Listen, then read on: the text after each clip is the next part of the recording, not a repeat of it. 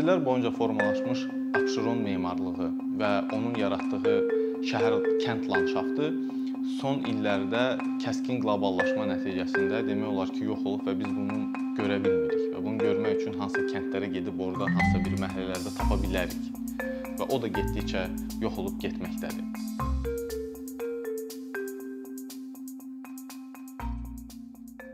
Genius loci latın dilindən tərcümədə e, yerin ruhu deməkdir. E, qədim Romalılarda e, yerin ruhuna hansısa bir ərazidə inancların toplusuna deyirdilər. Yəni hər bir ərazinin öz belə deyək, ruhu var idi və yerli əhali, yerli icma buna bu ruha sitayiş eləyirdi və buna qurban gətirirdi və e, bu yerin ruhu da qorunmalı idi və ərazini qoruyurdu belə deyək. Əsrlər keçdikcə məsəl üçün bu genius loci termini özü e, bir neçə fərqli məna qazanmağa başlayır. Məsəl üçün 17-ci əsrdə İngiltərə landşaft memarlığında genius loci termini e, tamam bir başqa rakursdan baxılmağa başladı. Yəni artıq landşaft memarları haransa layihələndirəndə buranı belə deyək, buranın kontekstinə, yəni burada olan topoqrafiyaya, burada olan bitkilərə və s. məfhumlara daha diqqətli olub onun üzərindən dizayn etməyə başladılar. Bu terminin ikinci həyatı 20-ci əsrdə yenidən başlayır. Genius loci artıq memarlıqda hansısa bir belə deyək, kontekstual yanaşmanı özündə ithaf edir. Yəni artıq 20-ci əsrin ikinci hissəsində tarixi şəhərlərin önəmi və hansısa bir belə deyək, e, layihələndirmə başlamamışdan əvvəl e, konteksti anlama zərurəti artır və ümumiyyətlə 19-cu əsrin sonundan 20-ci əsr 20-ci əsrdə artıq qədim şəhərlər, tikililər e, bərpa olunmağa və onların önəmi artır və buna görə onları qoruyurlar və bu mövzuda işlər də artır və memarlıq özü də irsə daha çox belə deyək də daha həssas yanaşır. Genius loci, yerin ruhu məsələsini Azərbaycan memarlığında biz belə deyək, 3 fərqli yaşayış, yəni qədim yaşayış məskənləri üzərindən aça bilərik. Bu Xınalıqdır, Abşeron kəndləri və Lahıc Baskal memarlığı. Xınalıq e, Azərbaycanın ən e, yüksək kəndidir. Ümumiyyətlə deyilənə görə Avropanın ən yüksək kəndlərindən biridir. 2350 metr hündürlükdədir. O həm öz etnoqrafik e, göstəricilərinə görə öz dili var, öz xalqı var. O öz memarlığına da görə çox mühüm bir rol oynayır. Həm Azərbaycan memarlığında, həm Qafqaz memarlığında. Ümumilikdə e, xınalıq memarlığı Böyük Qafqazın şərq yamaclarında e, formalaşmış Dağıstan, Azərbaycan memarlığının e, bir bariz nümunələrindən biridir. Yəni Azərbaycanda xınalıqdan əlavə, yəni Buduq, Cek, Qrız kəndlərində də eyni tip memarlığa rast gəlmək olur. Sadəcə xınalıq da bu yaşayış memarlığı tam sal formada belə deyək saxlanılıb qalmışdır. Xınalıq memarlığının e, başa düşmək üçün biz e, ilk növbədə bunu e, yaradan şəraiti başa düşməliyik. Yəni bu çox yüksək bir hündürlükdür, sərt iqlimi var və buna görə də burada yaşayan insanlar heyvandarlıqla məşğul olublar. Məhz buna görə də bunlar alp çəmənliklərin yanında məskən salıblar. Yəni yaylaq vaxtı xınalığın böyük hissəsi indiki Xınalıq kəndində Qış vaxtı isə qışlaqlara düşürdülər, hansı ki, indiki Hacıqabul e, rayonu ətrafındadır. Maldarlıqla məşğul olmaq xınalıqların memarlığında da öz əksini tapır. Yəni ki, biz görə bilərik ki, e, xınalıq evinin alt hissəsi adətən tövlə olur və orada yaşayan, orada saxlanılan e, heyvanların istisi ilə evin alt hissəsi isinir və evin üst hissəsində, yəni ikinci mərtəbəsində olan insanların E, hava e, isitmə e, problemini həll edirdi. Dağlıqda olduğuna görə ümumilikdə, yəni xınalığın strukturuna baxsaq biz görərik ki, xınalıq bir istehkam formasında layihələndirilib. Müdafiə funksiyalarının önəmli olması xüsusi bir relyef seçiminə gətirib çıxardıb və Buna görə də kəskin relyefdə formalaşan evlər pilləvari formada tikiliblər və bir evin damı o birisi evin həyəti kimi də istifadə olunub. Yəni terras formalı bir istehkam formalaşıb bir kənd olaraq. Bu da məhz o xınalığın o dağların arasında o zəhmli, o boz daşlardan, çay daşlarından, qaya daşlarından formalaşdırılmış o, o obrazını canlandırır. Sərt iqlim şəraiti e, xınalıq evlərinin e, kiçik pəncərələrli, e, bir-birinə sıx formada tikilməsinə gətirib çıxardıb. Biz məsəl üçün Maral Rəhmanzadənin rəsmlərində o xınalığın dağların yamaclarında bir qaya forması kimi, bir rəsm əsəri kimi görə bilərik. Bu da məhz o həmin o xınalığın iqlim, iqtisadiyyat, e, topoqrafiya nəticəsində ortalığa gətirdiyi dağ kəndinin ruhudur ki, hansının ki e, biz e, əlbəttə ki qorumalıyıq və eyni zamanda da ki biz onun yaranma səbəblərini görməliyik.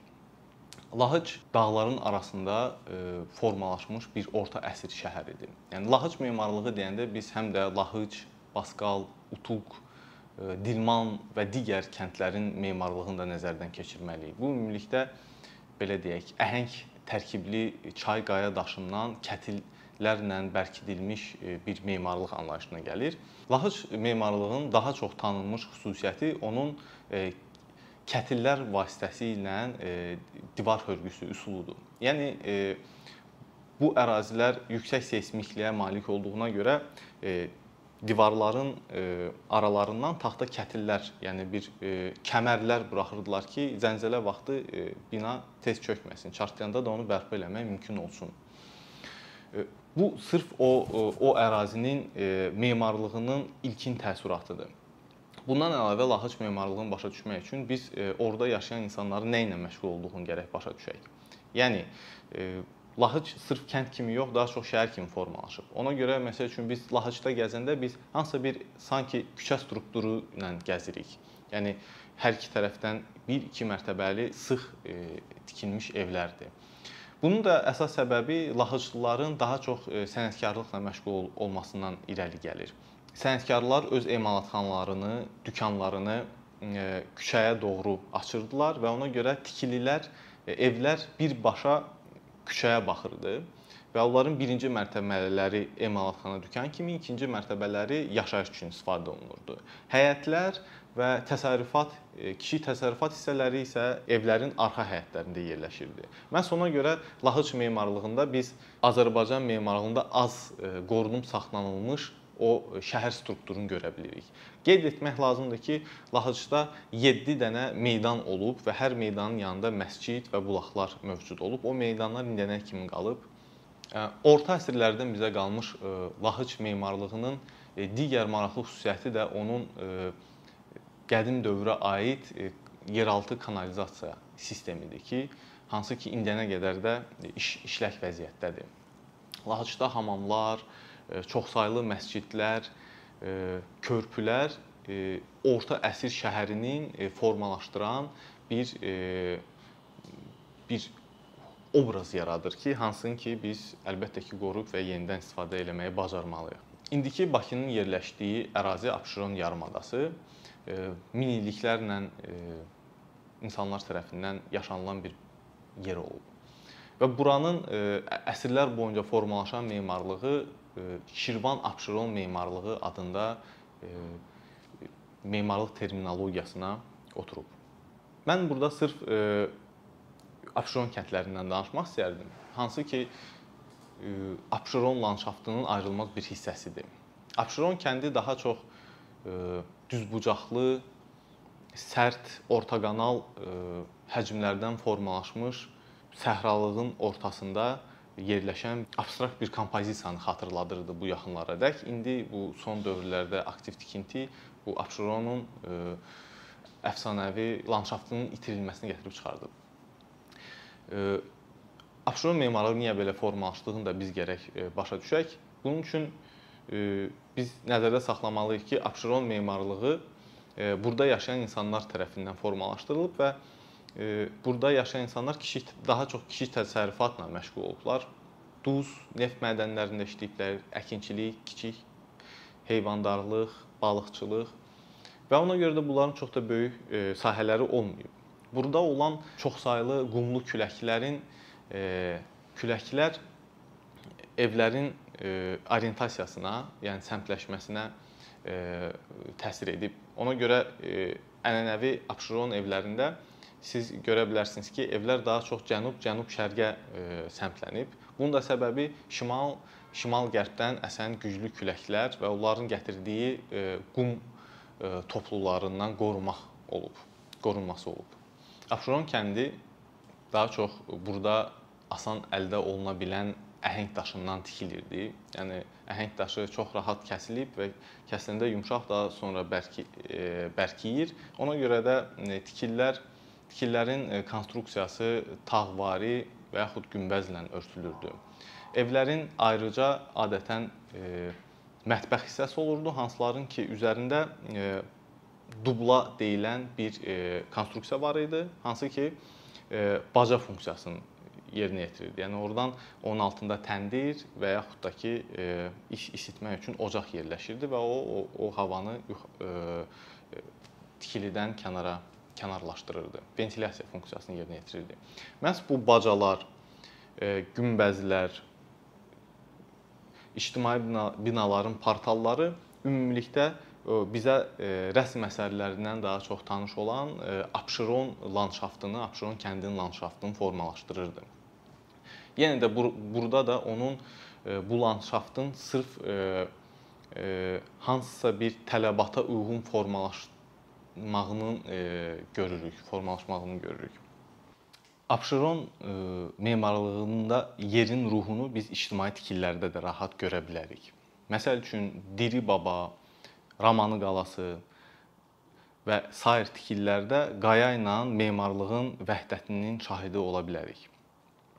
Məsəl üçün Abşeron memarlığının ən yüksək nöqtələrindən biri olan Şirvanşahlar sarayındakı divanxana və onun portalında olan stalaktitlər eroziyaya uğramış e, qayaları xatırladır.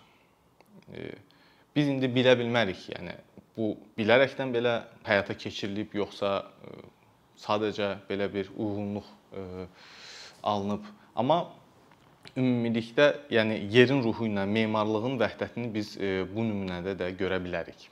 Əsrlər boyunca formalaşmış Abşeron memarlığı və onun yaratdığı şəhər kənd landşaftı son illərdə kəskin qloballaşma nəticəsində demək olar ki, yox olub və biz bunu görə bilmirik və bunu görmək üçün hansısa kəndlərə gedib orada hansısa bir məhəllələrdə tapa bilərik. Və o da getdikcə yox olub getməkdədir. Yəni ümumilikdə Bakının e, indiki yerləşdiyi yerin e, memarlığı və buranın ruhu e, sezilməz formada e, kənarlarda qalıb, yəni Abşeronun kənar bölgələrində qalıb Memarlıq e, coğrafi şəraitin və orada yaşayan insanların e, həyat üslubundan formalaşan bir məfhumdur. Və ona görə də hər bir ərazinin materialından, şəraitindən, e, tikinti materialından asılı olaraq özünə məxsus bir siması formalaşır. Bu simanı qorumaq çox vacibdir. Çünki öz siması olmayan şəhərlər bizə yad gəlir. Bunlar yəni son dövrlər qloballaşma nəticəsində tarixi şəhərlər və heç böyük bir tarixi olmayanda, amma yenə də öz simaları olan şəhərlər öz simasını itirir və bunun nəticəsi olaraq da e, biz hansısa bir şəhərə gələndə özümüzü sırf hansısa bir ərazidə olduğumuz kimi hiss eləmirik və özümüzlə bir empatiya qura bilmirik hansısa bir şəhər ərazisi ilə. Buna görə də Azərbaycanda fərqli-fərqli bölgələrin fərqli memarlığının olduğunu biz gərək ilk növbədə həm memarlar, həm də sadə vətəndaşlar başa düşək. Haradasa nəsə layihələndirəndə ilk növbədə oranın kontekstini, oranın memarlığını başa düşək. Oranın memarlığının nəyə görə belə formalaşdığını başa düşək. Orda insanlar niyə belə yaşayıb, niyə belə e, tikili, niyə belə niyə, niyə belə şəhər formalaşdığını başa düşək və ondan sonra o əraziyə hörmət eləyərək ora yeni bir tikili əlavə eləyək. Bunsuz biz öz şəhərlərimizin e, orijinallığını və özünə məxsusiyyətini itirəcəyik.